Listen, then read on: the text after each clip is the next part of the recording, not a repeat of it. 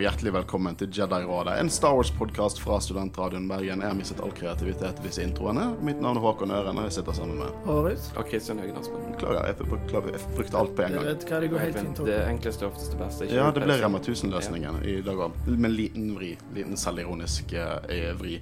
Uh, vi hadde en cliffhanger, vi, og nå skal vi finne ut hva som skjedde. Endelig. Endelig. vi skal snakke om Vi fortsetter på, fortsetter på sesong to. Eh, Foreløpig så syns jeg det har vært eh, ganske solide episoder. Eh, til og med disse tre. Eh, og vi skal snakke om episode fire, fem og seks fra sesong to. Det vil si Relics of the Old Republic, Always Two There Are og Brothers of the Broken Horn. Og gutter, hva synes du om disse episodene? Konge. Og som jeg fortalte deg forrige gang, Håvard, så skulle vi få se en ny kjenning som vi kjenner igjen fra Clone Wars. Det var han du mente, ja. Det var han jeg mente.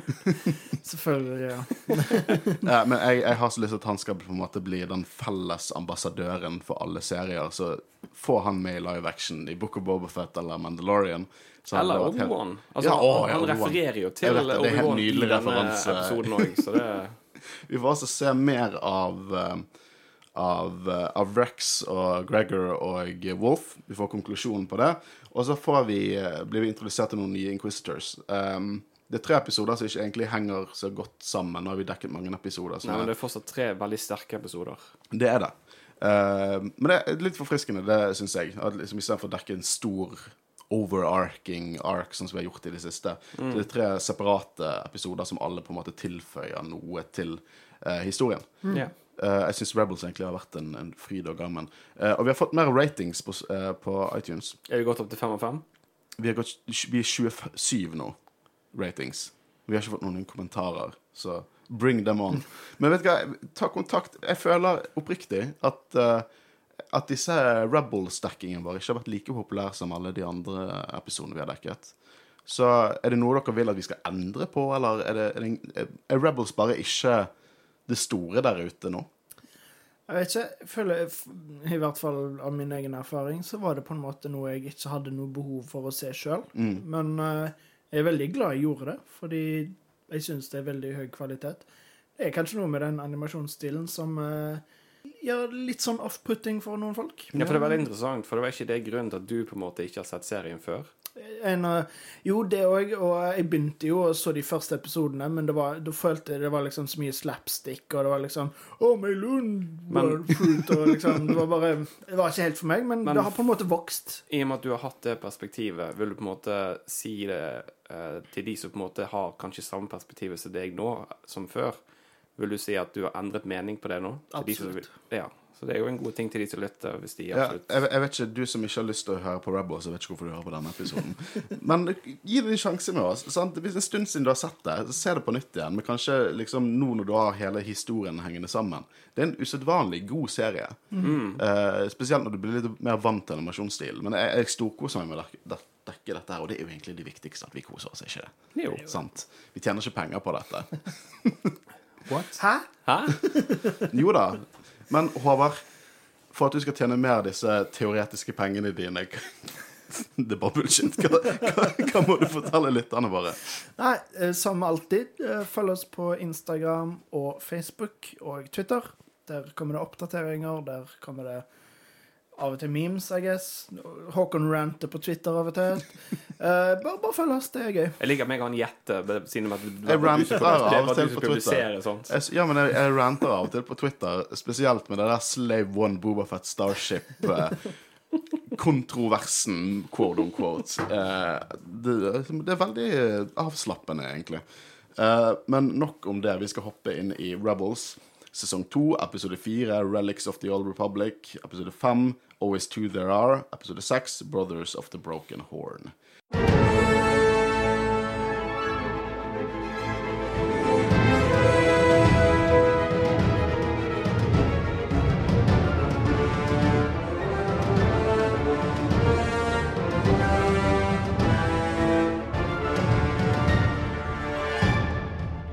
Vi begynner med Relics of the Old Republic. Det er fortsettelsen på der vi sluttet forrige gang. Det var eh, når gjengen møtte disse klonene eh, for å få informasjon om ulike utposter til, eh, som tidligere tilhørte eh, republikken. Eh, Og Mandalorian-utposter, som jeg syns er litt interessant. For Rex nevner at det er noen Mandalorian-utposter som ikke engang de vet hvor er. Så jeg lurer på om det er kanskje en indirekte referanse til sånn Son of Dathomir, når de har disse her eh, utpostene i eh, Alle disse sjeldne utpostene. Jeg vet ikke om det var Mandalorian-utpost, men det var i hvert fall snakk om veldig mange sånne asteroide-utposter og skjulte utposter. Eh, som er litt gøy. Jeg, føler det på en måte De gir også mer eh, kontinuitet til hele dealen.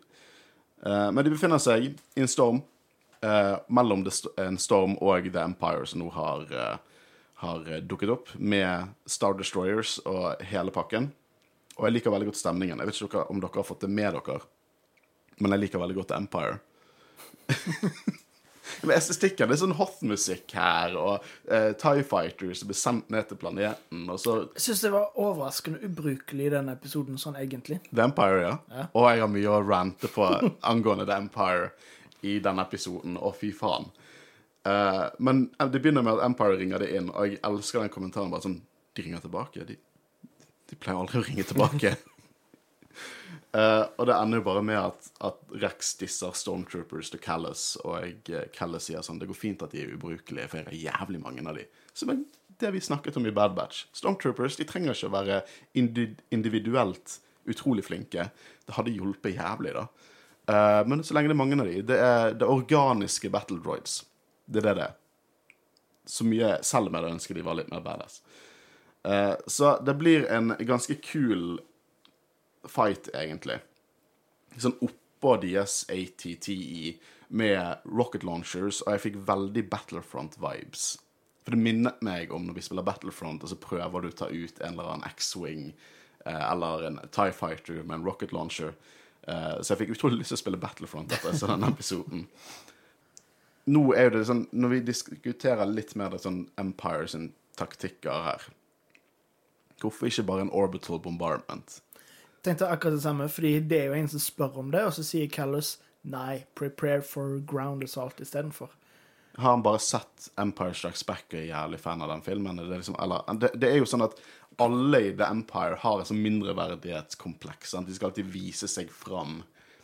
Men nå er jo det snakk om at de vil ha de levende, da. Ja, Så det, det var, var inntrykk av. Så det, var det jeg forklarte det for min del, at liksom, og de vil ha de levende. For de finner ut at eh, de har Jediene på denne walkeren. Eh, og hva er det egentlig å si, da? Jeg har lyst til å uh, fokusere litt på disse 80-80-ene som dukker opp der. For er, de ser annerledes ut, men det er in universe de originale 80-80-ene.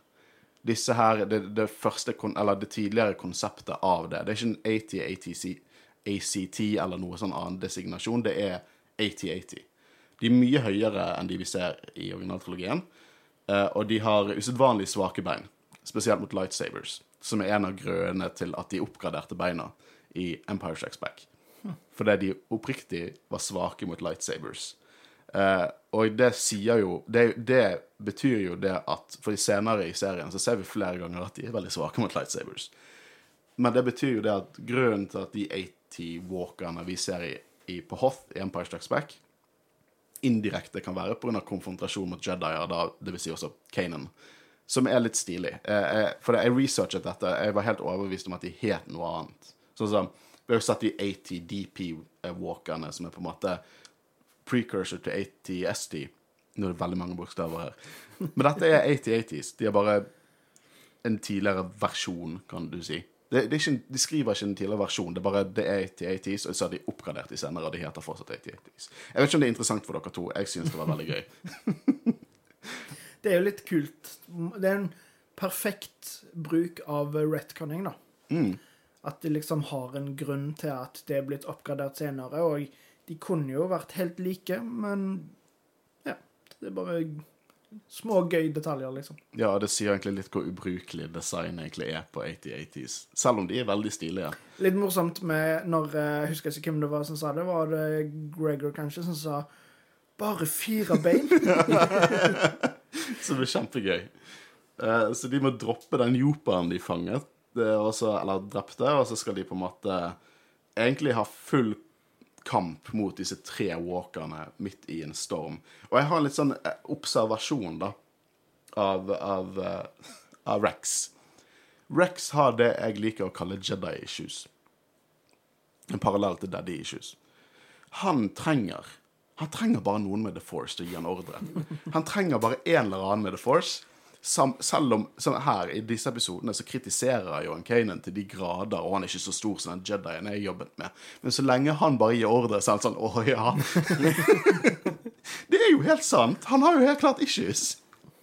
Og, og det er jo sånn Han storkoser seg, for nå kjemper han med en Jedi igjen. Ja, det minner tilbake Eller det gir tilbake gode minner. Ja, og han er, det virker jo som han har liksom et selvmordsønske her.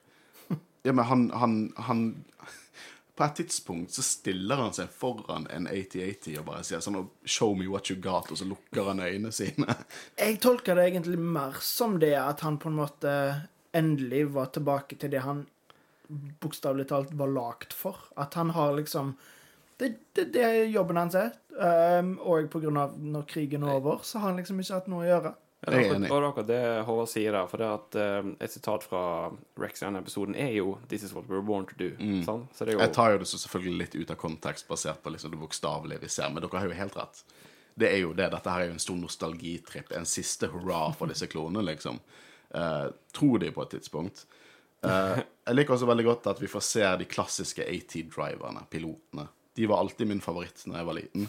Uh, bare fordi at da tok de Å, det er en, det er en grå Tie Pilot eh, pluss Stormtrooper i hjelm med masse dubbeditter og shit på. Det var de kuleste da jeg var liten. Eh, Jeg fikk aldri tak i en leke, da.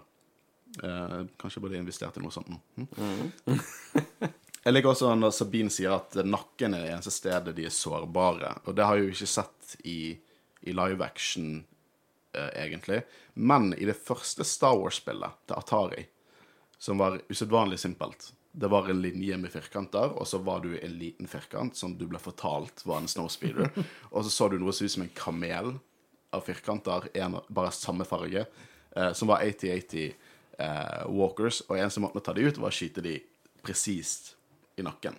Men i Empire Strikes Back sier de ikke da at det er på en måte de sier kanskje ikke nøyaktig eh, nakken, men Og- de må jo på en måte ta det, har jo ganske kraftig skjold og, Ja. og, og armor og sånn, så de må jo på en Jo, måte men de, nei, vet du, du har helt rett. den. Du har helt rett. De velter han, og så skyter de han i nakken. Nå husker jeg. Du har, du har helt rett.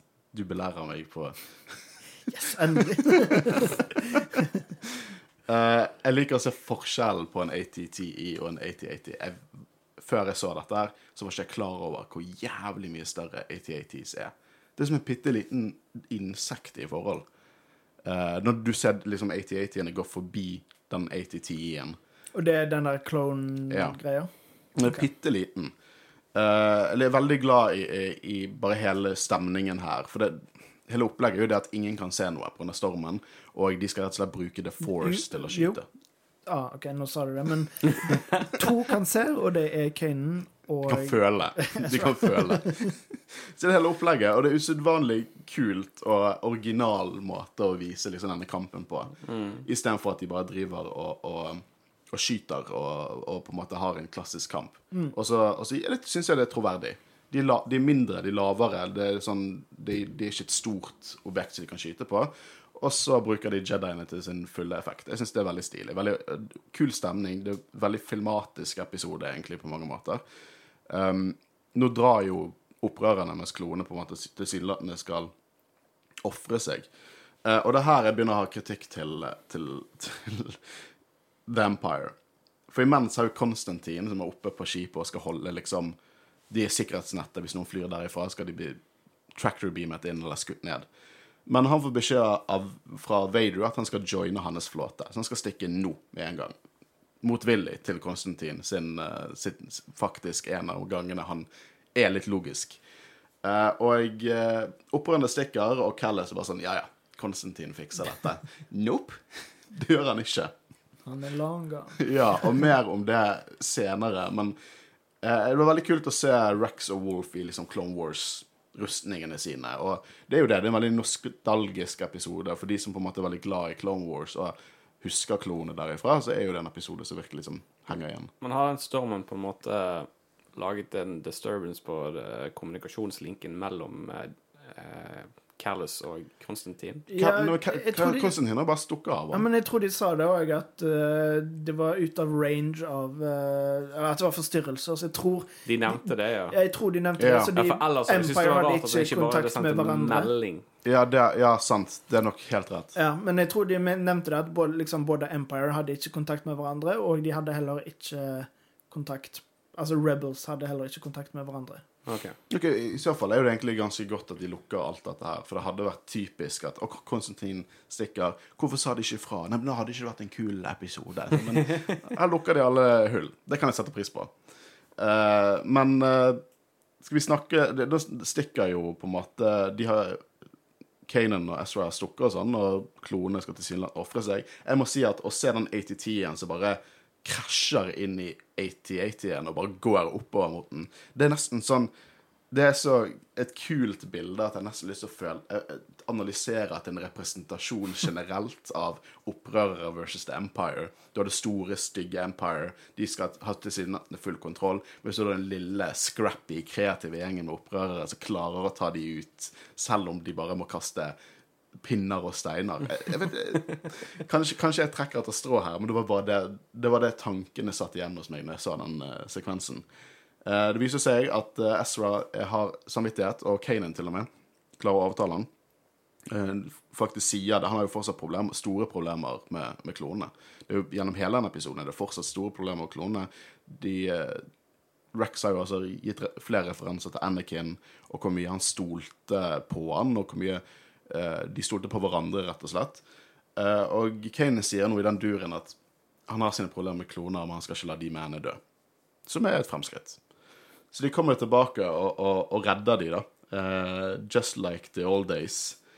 Og vinner, vinner dagen, rett og slett. Uh, igjen, det er kult å se speedere. Det er alltid speedere bak i 8080-er. Så hver gang vi ser at det er speedere der, sånn som i Jedi Fallen Order eller noe i Rebels, så det er alltid gøy. Sånn i Lego-settet så det en speeder der bak, så det er litt sånn gøy at de opprettholder den kontinuiteten. OK, men Empire, hva faen er deal her? Sånn uh, The Empire Det kommer en, en ny Inquisitor, The Fifth Brother, som også er et ubrukt Kylo Ren-design fra Force Awakens. De fant ut at Det var et av concept artene til Kylo Ren, og de fant ut at det kan vi bruke til andre ting. Så Rebels kom ut et Når var det siste episode av Rebels? Når var det det gikk, egentlig? Så for meg at det var før. Uh, jeg, lurer, for det, jeg lurer på om dette kom ut før Force Awakens, men de, de hadde funnet ut tidlig at liksom, dette, var ikke, det, dette var for tidlig pre-production av, av Force Awakens. Så hvis du leser The Art of Force Awakens, som er den beste artbooken fra noen Star Wars-film, den er bedre enn enn liksom egentlig alle de andre, fordi at det var ny Star Wars. De hadde ikke peiling, eller de, de var på en måte en, de hadde en blank page. Ingenting var grunnlagt ennå. Så det er så mange wacky ass design der. Eh, sånn en utrolig kul sånn coffee table-bok. Men hvis du ser gjennom der, så ser du Kylo Ren eh, som concept art, eller Jedi Hunter eller Jedi Killer var vel liksom stand-in-navnet, da. Og det er en som ser helt identisk ut til Fifth Brother. Så det er en ubrukt design. Og det er helt konge at de bruker det til Inquisitors. sant? Det er veldig passende. Um, og Konstantin er misfornøyd. Han liker jo ikke disse religiøse inquisitorsene og sier rett og slett det at du, hvis ikke vi hadde blitt call, da kan det godt hende at Kellis har feilet. Fordi at vi skulle være der, og dere callet oss hit. Og så sier eh, han inquisitoren da Ja, men jeg er for å fikse det du og Kellis ikke klarer. Liksom, what the fuck? Du fucket nettopp opp hele operasjonen! Hvis ikke det var for, for The Fifth Brother og Vader nå, for det var Vader som callet han dit, så hadde kanskje klonene vært drept, og Jediene vært i fangenskap. Hvor lenge de har holdt seg der, det vet vi ikke. Men det er tilsynelatende hva kunne ha skjedd hvis ikke de trakk de vekk. Dette er Og- Har du sett Brooklyn 99? N- eh, Nei. Har du? Jeg har sett det. Ja. okay. eh, Du vet karakteren The Vulture. The Vulture er en som kommer inn når en sak nesten er løst, for å ta æren av dette, for den saken. The Fifth Brother er The Vulture fra Brooklyn 99. Nå ble nesten dette løst, bare problemet at han får ikke Han er, han er mindre kompetent enn The Vulture, fordi han klarer ikke å løse saken sjøl. Han hindrer de fra å løse saken, og så får de, får de kjeft for at de ikke har klart å løse sakene. Det, det, det er så stupid. Og de, jeg syns også det gir mening in universe, for det Empire er sånn hva Vader er litt for involvert i dette. her. Vi finner ut senere at han er ute etter Soka nå. Og eh, igjen The Empire, pissekonkurranse, alle skal gå over hverandre. Så de klart De var midt i det, det, er frustrerende. Sånn in universe frustrerende. Men mitt favorittøyeblikk i denne episoden er når Asoka og Rex møtes igjen. Så mye hjerte i den scenen. Veldig koselig. Mm, og Asoka-musikken, og hvordan de snakker om at uh, oh, you, you, you got old, kid. Nei, det, det er kjempegøy. Uh, jeg har lyst til å snakke litt om det du kritiserte litt forrige episode for. Dette med at Asoka ikke fortalte at de var kloner. For det jeg så nå i denne episoden, er at det virket veldig som en lekse. Til Kanan. Ja, utrolig mye som en lekse til Kanan, og det virker som Jeg tolket som at Asoka nesten var klar over det. For de har noen, de har noen, noen dialog mellom hverandre, hvordan det ikke var så lett å, å stole på noen. sant? Og, eh, og Kanan har jo i lang tid hatt problemer med hele denne organisasjonen til opprørerne. Han har trust issues. Han har det, eh, og jeg, eh, jeg tror absolutt at det var en lekse. Du leker farlig, Asoka. Det må jeg si, for du kunne endt opp med liksom et par døde mennesker pga. den misforståelsen. Men Uh, jeg tror absolutt det var en lekse. Jeg, vet ikke hva, jeg har lyst, lyst til å høre hva du tenker om det. Ja, jeg har ikke tenkt over det før nå, men det er ikke umulig. Um, og det gjør det i hvert fall litt bedre hvis det er bevisst in universe, at det ikke bare er dumt metagreier for at folk liksom ikke, At vi ikke skal få vite det med en gang. Hvis de liksom vil ha den revealen, men hvis de faktisk klarer å gjøre det god in universe-forklaring på det, så på en måte Jeg må bare si at du har, du må, hvis du bare syns fortsatt at det suger, så er det veldig lov. Nei, altså Jeg må innrømme at jeg tenkte ikke over det når jeg så denne Nei. episoden, men det var jo Det var jo litt tid mellom når vi så episodene. Jeg så det ikke Siden vi skulle spille inn så lenge etterpå, så bestemte jeg meg for å vente. Jeg burde kanskje ikke gjort det. Jeg burde kanskje sett cliffhangeren rett etter hverandre, men um, Det var ikke noe jeg tenkte over, i hvert Nei. fall. Men allikevel så føles det realistisk. Eller i hvert fall Altså, Det gir mening, på en Ja. måte. Jeg føler at uh, du skal egentlig være straight på. Du skal, du skal på en måte fortelle det Ja, med han en vet gang. jo det ved Sant? Det, det, det, det, greiene det er liksom viktig istedenfor på en måte Så slipper du dette her tullet med mistillit og alt dette greiene. Tror du Ryan Johnson så disse episodene og tenkte å, nå skal Holder ikke si noe til Poe? jeg føler det er viktig å gå rett på sak. Det er jo det. ja. eh, jeg kan ærlig si at jeg er egentlig mer enig med deg, sånn som du eh, kritiserte forrige episode. Men jeg er ofte sånn at OK, dette her var litt uoptimalt. Eh, hvordan, hva er en grunn in universe til at det er sånn som det er? Og så kom jeg frem til det var en lekse. Eh, jeg tror faktisk det er en lekse, men, Men det det, var godt. måte- Det er jo på en måte òg Fra Kanan sitt eh, perspektiv så er det jo på en måte òg for å gå litt i dybden på hvorfor han på en måte er eh, så imot, eller på en måte skremt av kloner. Altså, det, det er sånn jeg, det, episodene er sånn, det, er sånn, ja, det er sånn jeg på en måte tolker det. På en måte, at vi skal på en måte bli dypere kjent med Kane som karakter. Ja, det er jo det vi har blitt. Uh, absolutt. Uh, neste episoden Jeg vet ikke om vi har noe mer å si på denne. her. Neste episoden er Always Two There. Referanse til, uh, til Rule of Two og uh, Sith. Det er ikke det vi får, da. Men det er en Det er en Seb-episode. Det er en Seb-episode. Å, gud. Jo, det, jeg liker And I thought my jokes were bad. Nice. Men jeg liker Seb-episodene. Uh, for det Seb er en Han er liksom record-karakter, føler jeg. Han er en karakter som er mye comic relief. Han er liksom the muscles eh, der. Og tilsynelatende er sånn Han er the goofy older brother til Ezra. Eh, og de episodene der, Dette er en episode så å si om at han ikke har mye tiltro til sine egne evner. Han føler alle vet ting mer enn seg sjøl, og det ender opp med at han må faktisk redde dagen. Mot to Inquisitors. Ja, og vi har ikke sett to av de på en og samme tid før. Men hva, hva synes dere om denne episoden? Um, jo da, jeg likte den. Um, en grei måte å introdusere flere Inquisitors på. Mm. Jeg synes det er en utrolig kul uh, introduksjon av The Seventh Sister. Jeg er veldig fan av bare hennes vibe og design. Eh, hun er noe annet enn det vi har sett tidligere de to andre. Det eneste jeg har litt problemer med generelt, og dette er ikke nødvendigvis Star Wars, bare i Star Wars, Da sier Supernatural, forresten. Oi. Ja. eh, hvis de dreper Satan, hva faen er verre enn Satan? Liksom, come on. Hvordan skal du fortsette dette her? Og hvorfor bruker man Grand Inquisitor som den første skurken? Hadde det ikke vært bedre å bruke noen av de andre søstrene eller brødrene? Jeg sier what you mean. Men få gå inn på Supernatural, da. så egentlig planen å avslutte serien etter sesong fem, men han, ble, han var fortsatt så populær at de bestemte seg for å fortsette uten skaperen, tror jeg. Jeg tror Eric Kripke på en måte ga seg. Men nok om Én til Supernatural. fem er veldig bra. da. 1 til 5 er bra. Dødsbra. Se det på nytt, Det skal egentlig avsluttes der, men jeg skal ikke snakke om Supernatural. um, Hvorfor ikke? Jeg har sett alt. Eh, hvorfor på en måte de introduserer to Inquisters etter The Grand Inquisters Ja. Det er det du spør om. For det er to istedenfor én. Nei, det er jo mange. Vi har jo helt opp til Vi har jo helt Ja, men nå var det poenget at forrige sesong var det bare én, nå er det to. Ja, men det Er problemet det tre neste? Det er tre neste. Ja, Ja, men men er jo, det er jo Darth Vader som på en måte er the big bad guy, så jeg føler jo på en måte at Og så kjenner han andre folk for å gjøre skittenarbeidet sitt.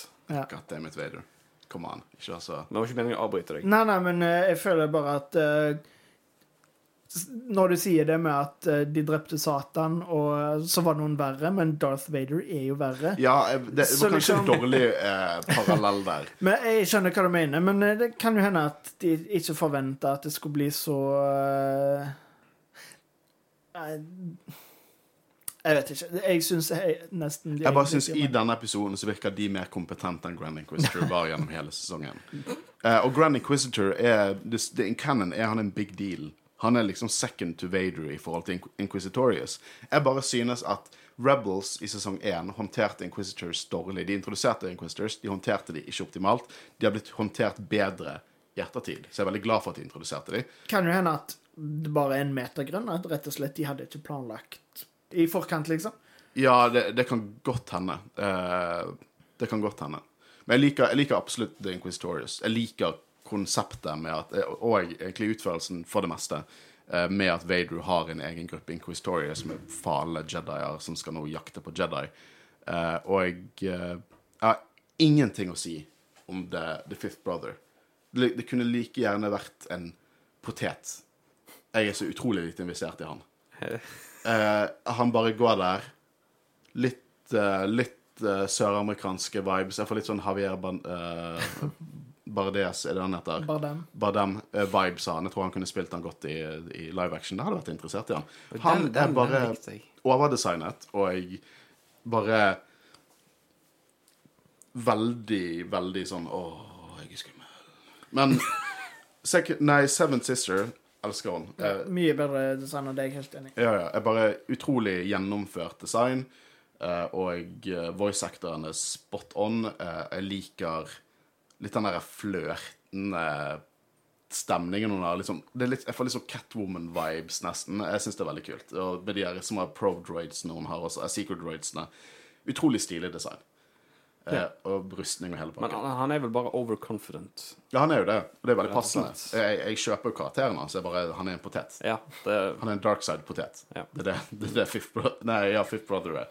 Uh, det begynner jo med denne chopper-øvelsen, uh, der uh, både Kanan og Rex egentlig er som de to kranglende foreldrene til Ezra. De de to fedrene til Ezra, og de krangler veldig om sånn Å, The Force, nei, disiplin og soldat. og eh, Det er liksom noe med at de skal løfte Chopper, men han kobler seg til. og sånn, å, Hvis du ikke har vært fokusert på The Force, har du sett at han faktisk koblet seg til gulvet. for det er derfor du ikke kunne eh, ta og eh, løfte han.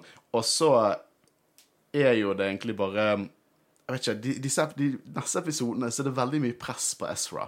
Og jeg føler at de som legger press på Ezra, de legger press på Ezra for egoistiske grunner. Jeg tror, eh, Akkurat nå så vet ikke jeg om Kanan eller Rex tenker For Rex ble jo med dem. Men at de tenker sånn Å, hva er best for Ezra? De tenker Hva er den beste strategien? Eh, Hva, hva, hvordan kan jeg vise meg fram som at jeg vet best? Det er det jeg tolker her. Men jeg tror ikke det er det serien prøver å formidle. For hver, hver gang så er det sånn derre Å, nå skjønner du hvordan du må gjøre det, Ezra. Du må høre på oss begge. Liksom. Men jeg føler jo konflikten mellom eh, Rex og uh, Kanan på en måte bygges videre fra de to forrige episodene. At de på en måte utvikler det mer og mer, for de vet at det er på en måte en som du sa, Rex har issues, og Kanan har issues. Mm. Sant? Så det Og det er, det er helt konge. Det er helt Ja. konge At de ikke bare slipper den tråden. At de fortsatt, de fortsatt ruger litt på den. Sant? For det kommer til å bli dypere episoder med Kanan og Rex der de fortsatt jobber med de issuet de har. Ja. Det er ikke sånn at de bare ordner det fordi at de var gjennom det de jo, eh, var i de to forrige episodene. Og Og det det, er veldig bra karakterutvikling. ja, det er det. Og det er det denne serien virkelig bare briljerer på, er karakterutvikling. Eh, og, får, og de tar sin tid. Det er det jeg setter pris på. De tar sin tid med det. Det er ikke bare å bli ferdig med det. Eh, på mange måter så er det kanskje noen av de sterkeste karakterutviklingene i hele Star Wars, egentlig.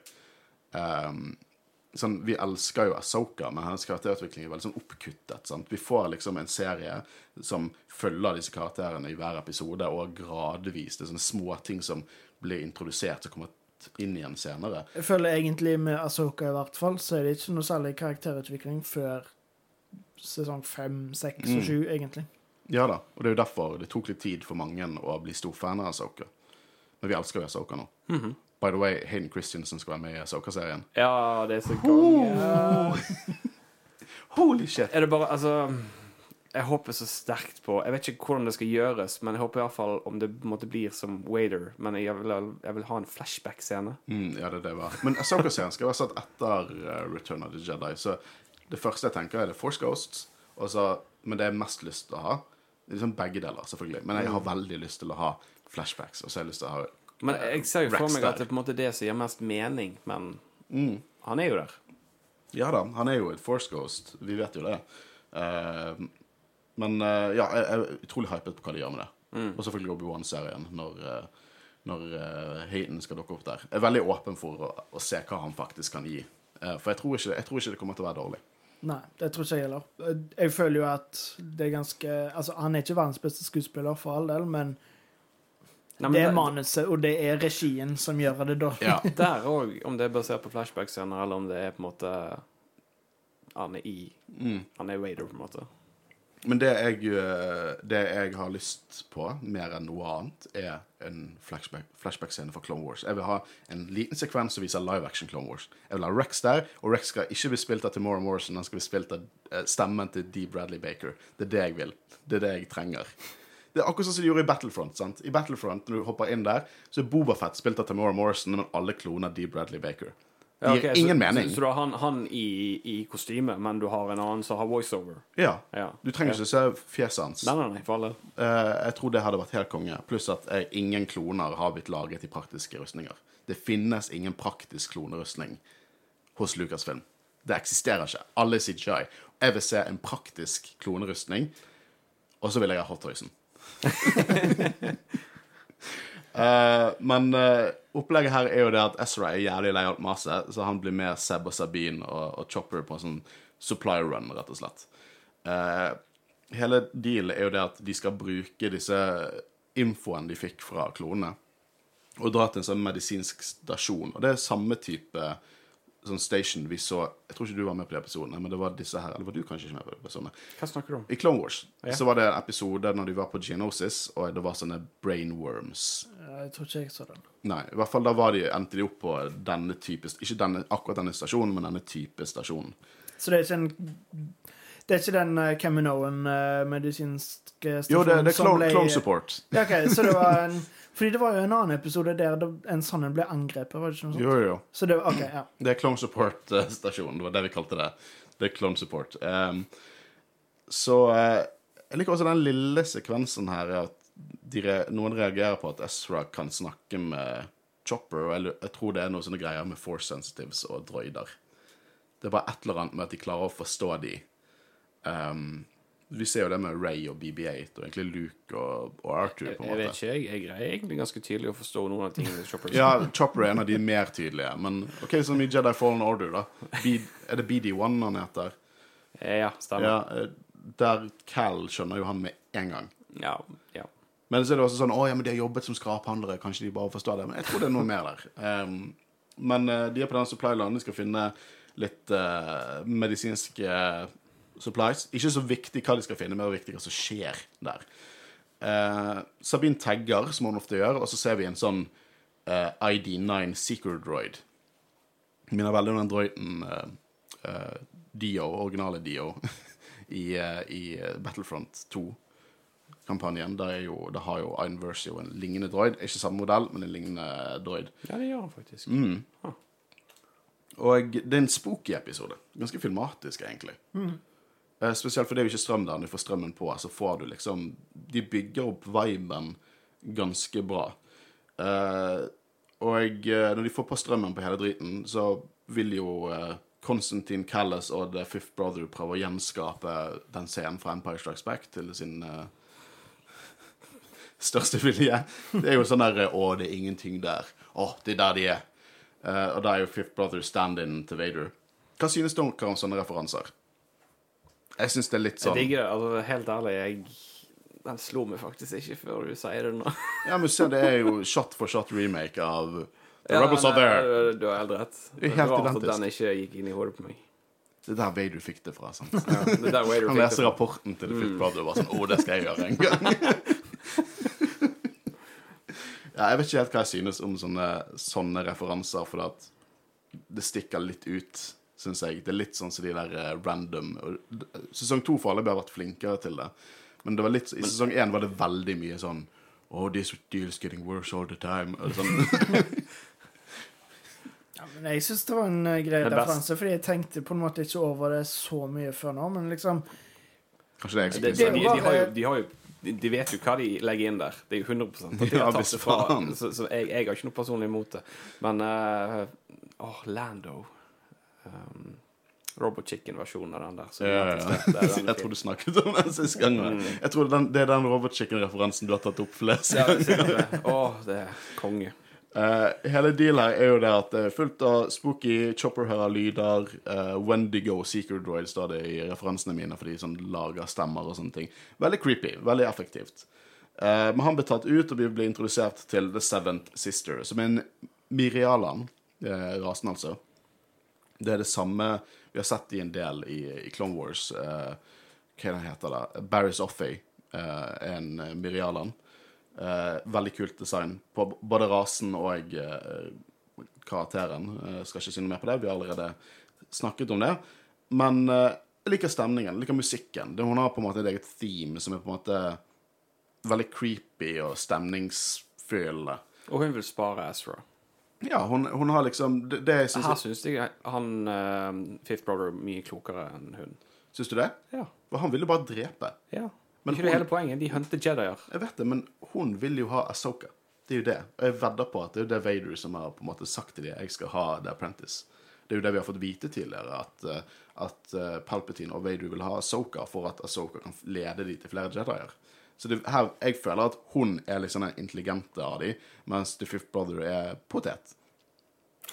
Tja. Du kan jo også si det sånn at uh, hun trenger jo ikke fortelle om han er i live eller død. Nei, nei, men uh, det er hvert fall vi får noe mer enn bare dreping her, da. Det får liksom Du får på en måte etter hvert litt sånn De er ikke så koordinerte, og det er det vi kommer fram til. De er ikke koordinerte. De er veldig imot hverandre. Snakk om hvem som skal få the killing blow. Ja, det er jo snakk om hvem som skal få æren. Det er Ja, jo absolutt det. Og det virker liksom at det er tomrommet etter The Grand Inquisitor døde. Og det virker som flere har ambisjoner om å komme høyere opp. Mm, det jo gir jo veldig mye mening. Mm. De er jo ikke full on Sith, men det er jo, de er jo på en måte veldig egoistiske og liksom vil De vil bli store sjøl, på en måte. Det er jo akkurat det samme som Sither og liksom Ja rule, of, rule of two med at Apprentice vil på en måte til slutt få makt Han vil ha makt, og derfor så Så jeg føler det gir mening at de jo er litt sånn Synes du at uh, det henger godt sammen med tittelen på episoden, da, Always Do There, på måten du vi ser disse to inquisitorene? Jeg føler det er jo egentlig bare mer en Referanse. referanse, Ja. men ehm, kanskje. Uh, men det, det, det er veldig sant det du sier. Uh, sånn, Inquisitors er ganske tragiske karakterer. Fordi at de er jo som oftest farlige Jedier som har blitt torturert og hjernevasket helt til de bare slipper taket og går dark side. Vi ser jo i Jedi Fallen Order The Second Sister eh, der, også en utrolig god karakter. Hun har jo sånn Hun har utrolig mye personlig involvert i det hun gjør, men også litt sånn Å, hvis jeg gjør dette her, så får jeg liksom Da, da får jeg et godt ord innerst The Emperor. Så det er alltid denne jakten på mer makt, høyere stilling, og det ser jo vi med disse her, hvordan de krangler med hvem skal få the killing blow, eh, hvem skal lede an dette angrepet.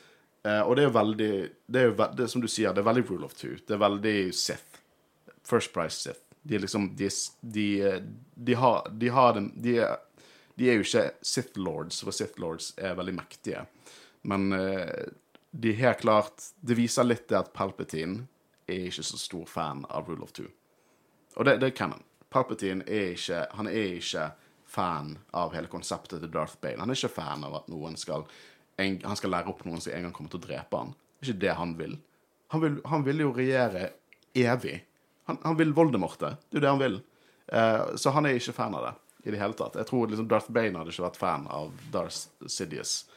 Eh, overambisiøs og, eh, og eh, sinna. Det er det han hadde kalt han. Eh, og det er jo også en forklaring hvordan vi alltid ser det at nei, det skal være to Sith. Men det er fullt av dark side uh, warriors, sant. Men de heter ikke Sith, så det går fint. Og jeg føler liksom at Palpatine har sittet sånn Ja, men så lenge vi ikke kaller de Sith, kanskje det går bra. Da er ikke de sånn teknisk sett. Men det er det, det er det som gjør at Sith bare blir en sånn organisatorisk ting da, for Palpatine. Og at han ikke slavisk følger den religionen. Eh, så jeg syns det er litt interessant. Hvert fall, for det, Vi har jo snakket veldig mye om det tidligere, som Asage Ventress i Clone Wars og nå Inquisitors. Så jeg syns det er interessant, interessant at vi på en måte ser det, og det har vært kult å ha fått noe Star Wars og vi får se litt sånn For eksempel i The Acolyte, uh, når den kommer ut. Og de begynner vel å filme snart. Jeg tror, jeg tror i februar, var ikke det de sa? Jeg håper det i hvert fall. Jeg har lyst på mer live action stars. Ja. Vi får nok av det. Men, Men, jeg tror de eh, skal begynne å filme Soka i desember Nei, jo, desember-januar, tror jeg. Ja, jeg tror de virkelig Ja. har pushet opp produksjonen på samtlige serier nå. ja. Men eh, ja, så, så jeg håper vi får se litt av liksom Sith-religionen som ikke er under The Empire.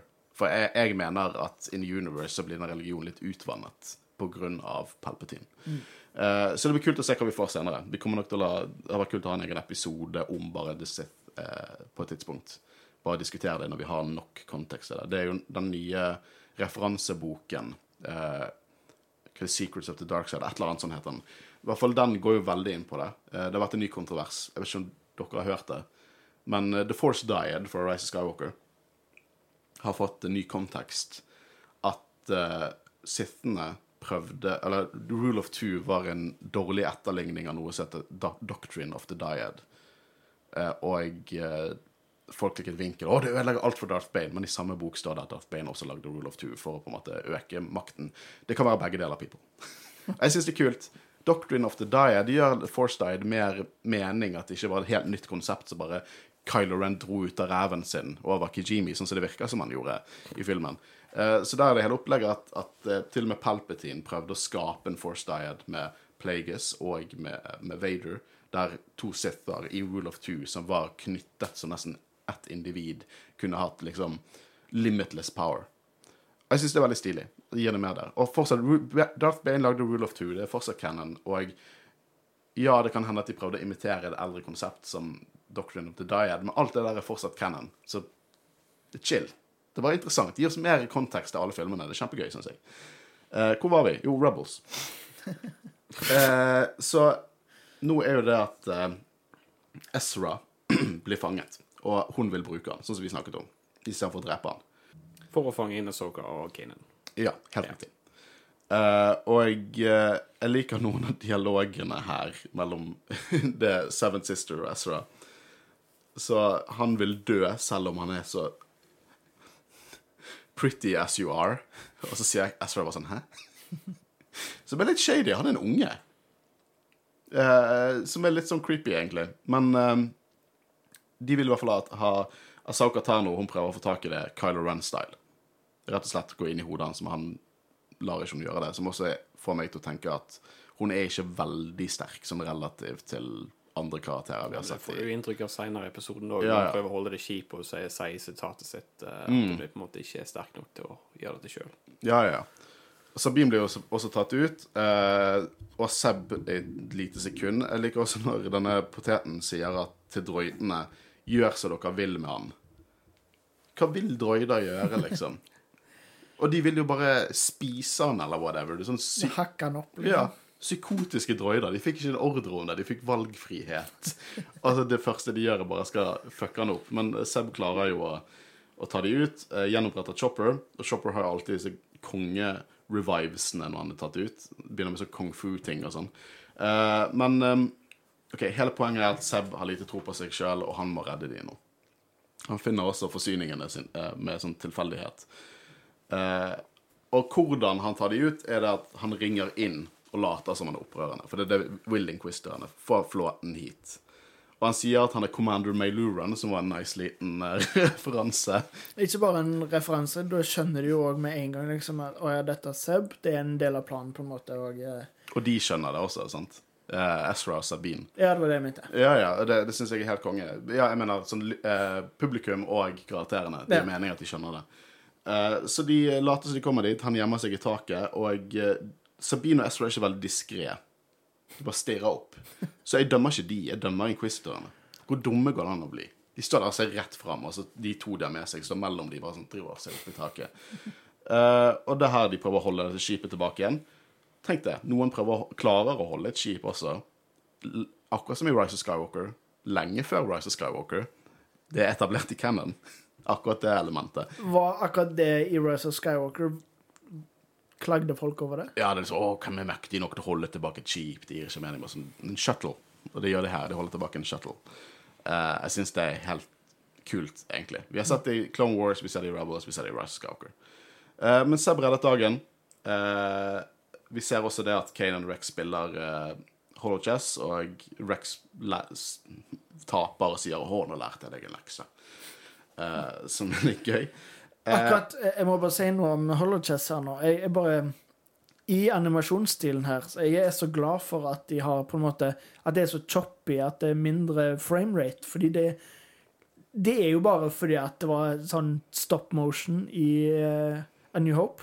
Men det, det ser allikevel dritkult ut. Måten de på en måte bare de, de kunne hatt det så smooth som bare mulig, men det er fortsatt akkurat sånn som det ser ut i A New Hope. Ja, de, de, de er veldig. flinke til det, synes jeg, i denne serien. Å opprettholde liksom sånn litt elementer for originaltrilogien. Sånn så, Vi har jo snakket litt om det. Eksplosjoner og sånn ser veldig fyrverkeri ut. Og det var jo basically det det var i originaltrilogien. Det er sånn som Battlefront-spillet gjorde. Det er ikke realistiske eksplosjoner der. Det ser mer ut som fyrverkeri. Som er nice touch. Og det, at Rebels opprettholder det, er jo bare helt konge. Det er jo derfor vi Du får veldig originaltrilogi-vibes av hele serien. Og veldig vellykket måte, syns jeg. Um, jeg liker også reaksjonen til Kanan når de får høre hva som har skjedd med disse inquisitorene. Det er to til. Han var ikke klar over det. Og bare det at eh, Hera går bort og klemmer han, og at han er helt fra seg, det er bare The Rebels er ofte fryd og gammen, men når de, de er flinke til å trekke inn de alvorlige støene, sånn som her At de Han, han er redd. Han, han er usikker på hva de går inn for nå, og, og det understreker egentlig at dette er jo en konflikt. Det er ikke bare å gå rundt og skyte bucketheads og le og Mayluran. Det er liksom, det er noe dypere som skjer her, eh, som jeg kan sette pris på. Har dere noe mer å si om uh, denne episoden, egentlig? Nei, det er en uh, grei episode, en grei introduksjon til begge inquisitorene, på en måte. Eh, du fikk jo Den første inquisitoren ble jo introdusert i forrige episode, men da var det liksom bare sånn Kom inn og så 'Jeg er en bad guy', og så slutta episoden. Ja, Liksom. han, er en, her, han er en potet. her får du vite mer om det. Så ja, nei, det Ja. God episode. Men dette er din favorittepisode neste, Christian. Denne? Ja, Brothers of the Broken Horn. Og neste Ehm, Ja, favoritt og favoritt. Det er bare Dette er en kjekt, slapstick. Det er kjekt å se Hondo igjen. Ja, Gjettet dere eh, Gjettet du det var Hondo ganske tidlig? Eh, nei, det gjorde jeg ikke. Men Du så det vel når du så han? Ja, ja, ja. Han så litt yngre ut. Jeg, jeg synes han så annerledes ut, så det var liksom et lite øyeblikk så var jeg sånn Måtte liksom se litt sånn rart, og så Ja, OK. okay. Ja, det er mindre detaljer, Han så liksom. litt mer fresh ut, kanskje. Ja. Men han er ikke så fresh. da. Han har jo falt veldig langt i en Clone Wars. Nei, nå tenkte jeg mer på looket, Ja. ikke på hvor posisjonen Han hans ser fresh ut, men kanskje han overkompenserer. sant? Han prøver å få seg et nytt Ja. crew. Men han har mistet crewet sitt, og det er litt sånn referanser til det. Så han er mer en sånn Han Solo-karakter skrudd opp til 11 nå, eh, enn på en måte en bandeleder eller piratleder, sånn som han var tidligere. Um, men vi, fortsetter, vi fortsetter egentlig med det, hele det konseptet med at Rex og Kanan er sin konkurranse som går utover Jedi. Nei, Ezra og liksom Soldier versus Jedi, og, og jeg en trener med en andre, og så kommer Kanan og sier «Å, nei, nå vil jeg trene. Og kommer Hera og sier nei, nå skal du vaske. Så ja, det er mye styr eh, på Ezra i denne episoden. Hele starten på, på liksom konflikten i episoden er jo det at Sato kontakter, og du har en frossen planet, Rinn, eh, som trenger flere ovner, generatorer. Eller så froster de. Det er to isplaneter i denne episoden, faktisk. To på 20 minutter. Um, og de er på uh, Garell. Garell så vi i R2D2 og sitt 3PO-episoden i sesongen. Uh, og de skal kjøpe, sjekke ut Black Market. Alle vil ha noe for Ezra, men det han, han, gjør, er at han tar med seg Chopper, og så drar han og følger en nødbeskjed fra The Broken Horn, altså skipet til Visago. Uh, så dette, denne episoden er en team-up-episode mellom Ezra og Chopper. Det er en sånn episode. Og skipet til Visago vi, vi, har snakket litt om det tidligere. Uh, men uh, The Broken Horn, som er på en måte hans syndikat, da, var faktisk med i Eller referanse til det syndikatet i Force Awakens. Og jeg husker vel dette spesifikt, for det at i månedene opp mot Force Awakens så tok jo veldig mange av oss gikk gjennom den traileren. Sånn frame for frame. Ja, Var det en, et flagg der fra ja. på Maskanata sitt slott og sånt? Mm. Og jeg husker veldig godt at vi gikk gjennom frame for frame der, og så inne på, på R slash Star Wars husker jeg det var diskusjon, og det var en av mine første poster der. Fordi at jeg så dette flagget, og så klarte jeg ikke å plukke ut hvor det var, og så delte jeg det der. Og fikk utrolig mange upvotes, for andre hadde ikke sett flagget heller. Så derfor husker jeg veldig spesifikt at The Broken Horn-flagget er med i The Force uh, Awakens, som er litt stilig. Um, men det er ikke Visago vi hørte. For nå får vi introduksjonen med den der samme litt sånn indiske musikken som vi hørte i Clone Wars. Eh, at Hondo sitter der, og han mener at han har vunnet dette skipet. Uh, fair and square over Sabak sammen med droidene. Og så tilsynelatende skrur han på droidene skrur de av for å vise at Hei, mine droider. Og Ezra han sier han heter Lando Calrissian. Som jeg synes er litt sånn gamble. For de fleste av de folkene henger jo i samme grupper. Det er ganske lite liksom, det scum and villainy-samfunnet i Star Wars er usedvanlig lite. Alle, alle, som er noe, kjenner hverandre. Og Hondo Tror dere Hondo ser gjennom han? Kan godt hende. Han sier 'Å, the semi-famous smuggler, Lando Calrissian'. uh, så for en eller annen grunn så klarer han liksom å Ja, de på en måte ble angrepet av The Empire, og så finner de ut at de skal jobbe sammen. For det er power generators på skipet. Ezra vil ha det. Og så er det en stor roadtrip, eller buddycop-film, der Ezra, Hondo og Chopper skal samarbeide for å levere noen smuglede greier, sånn at Ezra får power generators. Nå drar de til en ny planet, en ny snøplanet, Nixus. To snøplaneter i én episode. Og Der møter de selvfølgelig S. Morgan, for da, han dukker jo alltid opp igjen når det er Visago og Scum Villainy-episoder i, i Rebels. Uh, og uh, han trodde han skulle møte Visago. Han sier også da at han er en washed up old relic, og jeg liker at Hondo sier 'leave your wife out of this'. Yeah. Den var fin.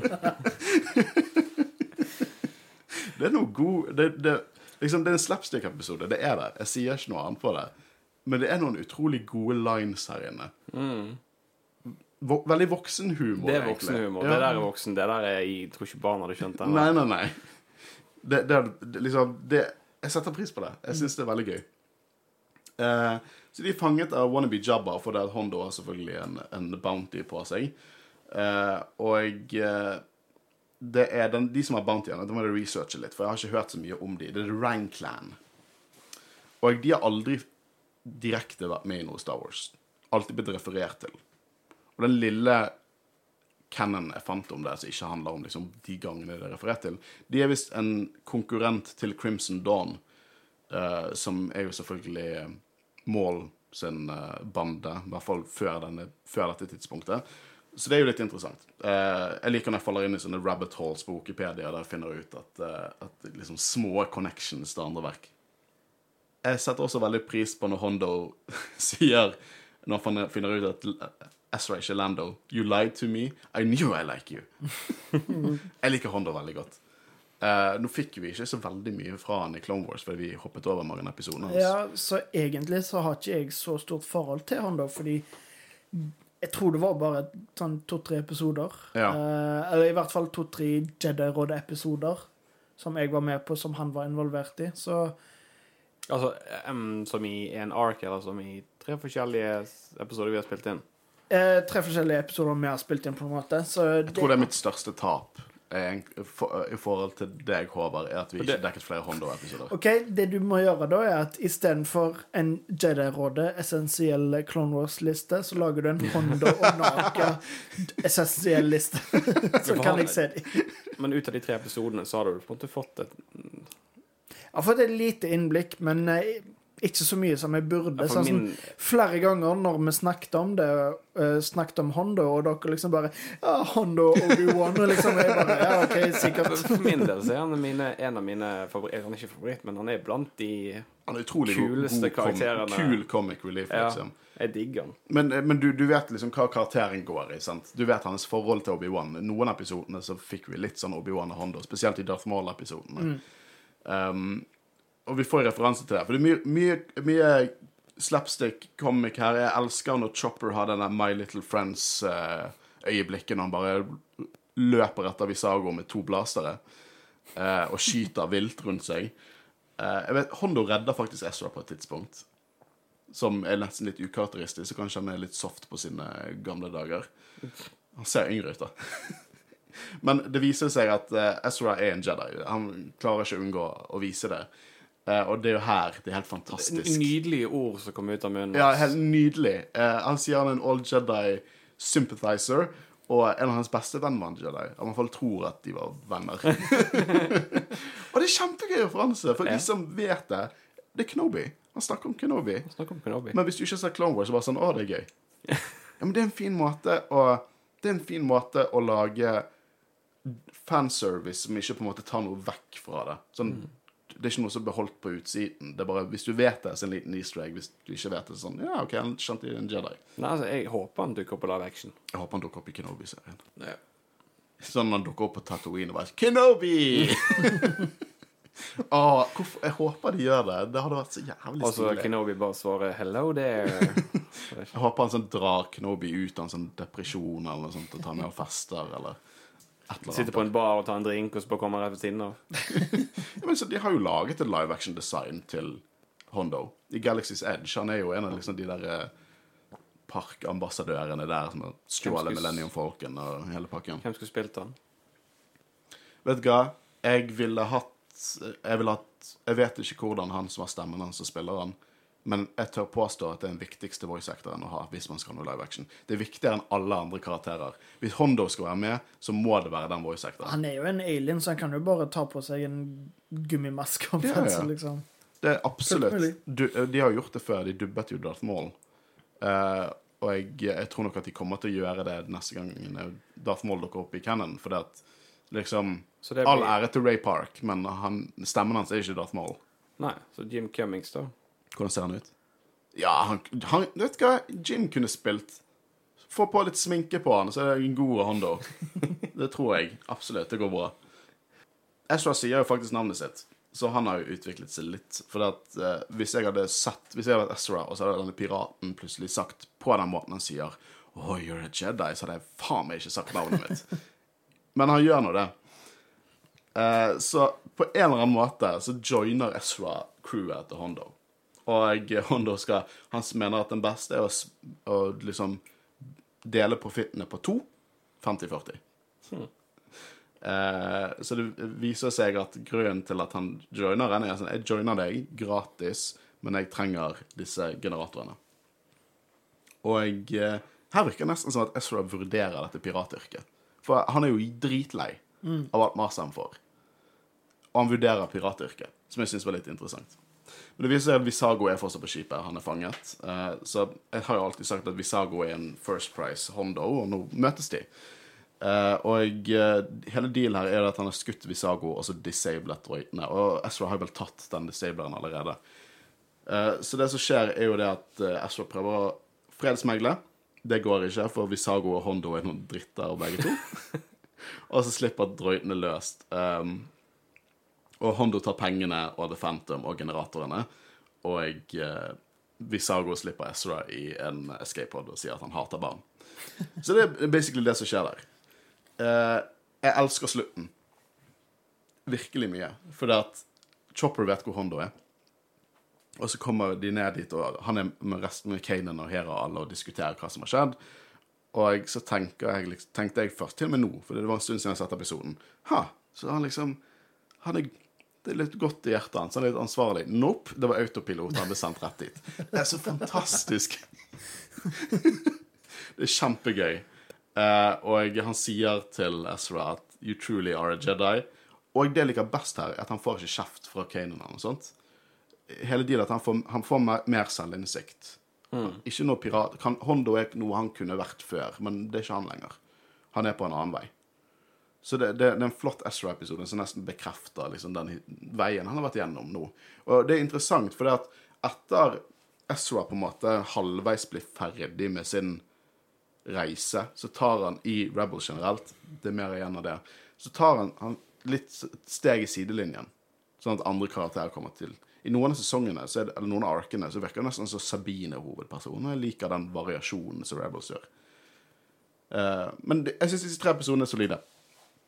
Ikke de beste vi har sett, Uh, absolutt ikke, men uh, jeg liker veldig godt disse tre episodene. De har absolutt noe å fortelle, en viktig del av, av historien. Uh, og jeg, jeg vet ikke om jeg har noe mer å si på det, men jeg, jeg, jeg likte virkelig Kloneepisodene var en, en dyp liksom, referanse til Clone Wars på, på en måte sånn at med den konteksten vi har, så blir det enda bedre. Jeg likte veldig godt uh, introduksjonen av flere Inquisitors, og nå på slutten Jeg kan aldri få nok Hondo. Hva synes dere, gutter? Nei, som hun sa i begynnelsen, eh, tre gode episoder. På en måte så er den siste, den med Hondo, det er det nærmeste vi kommer en filler. Mm. Men vi har jo diskutert til døde hva en filler er, og jeg føler allikevel dette er ikke en filler. Det er det nærmeste vi kommer det, men allikevel så er det mye god karakterutvikling, og som du sa, det, på en måte, det er en Ezra-episode. Han lærer å kjenne seg sjøl bedre, og på en måte Ja. Nei, veldig, veldig gode episoder. Den introduserer Hondo, og Hondo har mer å si i Rebels. Men ja, jeg er veldig enig med deg der. Det er nærmest du kommer en filler. Hvis ikke det var for introduksjon av Hondo, så hadde jeg kalt det en filler. Eh, ikke en dårlig filler, men det er en gøy liksom buddy cop-film, nesten. Ja. Crazy Antics. Ja, og du får se en uh, kjenning igjen, så du på en måte er kjent med før. Veldig, veldig bra, bra sagt. Ja, ikke sant? Ja. Nei, tre gode episoder. Um, alle har hver sin egen uh, karakterutvikling med Rex og Nei, jeg tenker på Kanan, og så har du Seb som får sin på en måte vise seg fram-episode. Tar ut to Inquisitors, på en måte. Eller Mm. redde, redde dagen, for å si det på den måten. Uh, og eh, nå um, Astra som på en måte eh, ut at han er på den rette veien. Liker dere dette oppsettet? For jeg har merket eh, at det Rebels gjør ofte, er at de liker å separere crewet. Så de lager episoder som, som ofte handler om én eller to eller en trio eventuelt. Så lenge det ikke blir for mange av det, så liker jeg det. Mm. det er en veldig god måte å, å ha karakterutvikling på. Men allikevel så føler jeg på en måte at jeg liker jo best når de er sammen, alle sammen. Ja, for det, det, det er like, for jeg føler, det, jeg føler Rebels gjør at de deler opp crewet ofte, og så får vi liksom, sånn konkl liksom konkluderende episoder med hele crewet sammen, sånn at vi får sånn den familiedynamikken. Jeg, lik, jeg, liker det for, jeg liker det sånn, veldig godt sånn som det er gjort. Og eh, det tidligere Håkon sa, var jo det at sesong én var møkk. Det var ikke møkk. Det er ikke møkk. Nei, det, det var mye bedre enn det jeg husker, og vi har bare utrolig mye bedre her. Jeg gleder meg usedvanlig mye til de to siste episodene av sesong to. De er kanskje mine favorittepisoder i hele Rebels. Helt nydelig. Jeg, jeg gleder meg. Så mye bra i, i vente, men jeg tror ikke vi har mer å si om akkurat dette her. Vi er nå tilbake neste uke, er ikke vi? Kanskje? Hvis alle er snille og greie. Mitt navn er Håkon Øren, og jeg har sittet sammen med Always. OK, sånn. Og. Vi snakkes neste uke. Ha det bra. Ha det bra.